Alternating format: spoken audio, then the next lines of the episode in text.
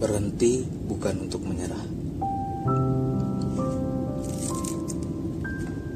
Kamu boleh berjuang ketika kamu punya sebuah keinginan yang ingin kamu dapatkan. Kalau memang kamu orang yang tidak mudah menyerah, berjuanglah sekeras yang kamu bisa. Kamu harus kuat untuk menerima kenyataan. Sebab kamu tidak bisa memastikan apa yang kamu terima nanti akan sesuai dengan keinginan kamu.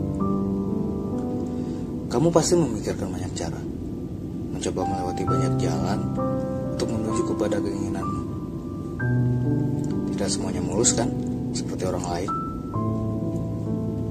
Setiap orang punya kelebihan dan kekurangan. Takaran itu yang selalu kita ukur.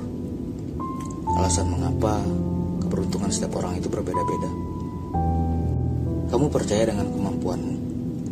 Kamu tetap berusaha, mempersembahkan yang terbaik, memberikan apa pun yang kamu punya. Mungkin terdengar egois, tetapi itulah pengorbananmu. Meskipun kamu tidak tahu, akankah semua itu berarti? Apakah kamu siap untuk kecewa? Mudah bagi sebagian orang mengatakan siap. Lisan hanya mampu menyembunyikan apa yang hati rasa. Kegagalan dapat mempengaruhi rasa percaya diri. Perasaan malu, kesal, dan sebagainya adalah bagian dari kesedihan. Mungkin kamu malas untuk mencoba lagi. Belum waktunya kamu berputus asa. Sekeras apa pun kamu berjuang, kamu tidak akan bisa melawan ketetapan Tuhan. Kebahagiaanmu sudah Tuhan atur seindah mungkin. Kapan kamu akan merasakan itu, rahasianya.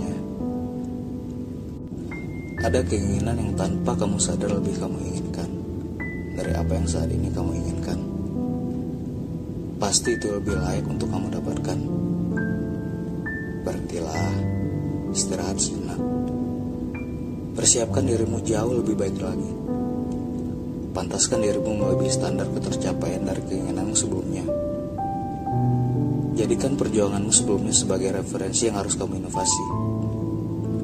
Tetap semangat menjalani hidup. Hargai waktu yang tersisa saat ini. Karena kamu berhenti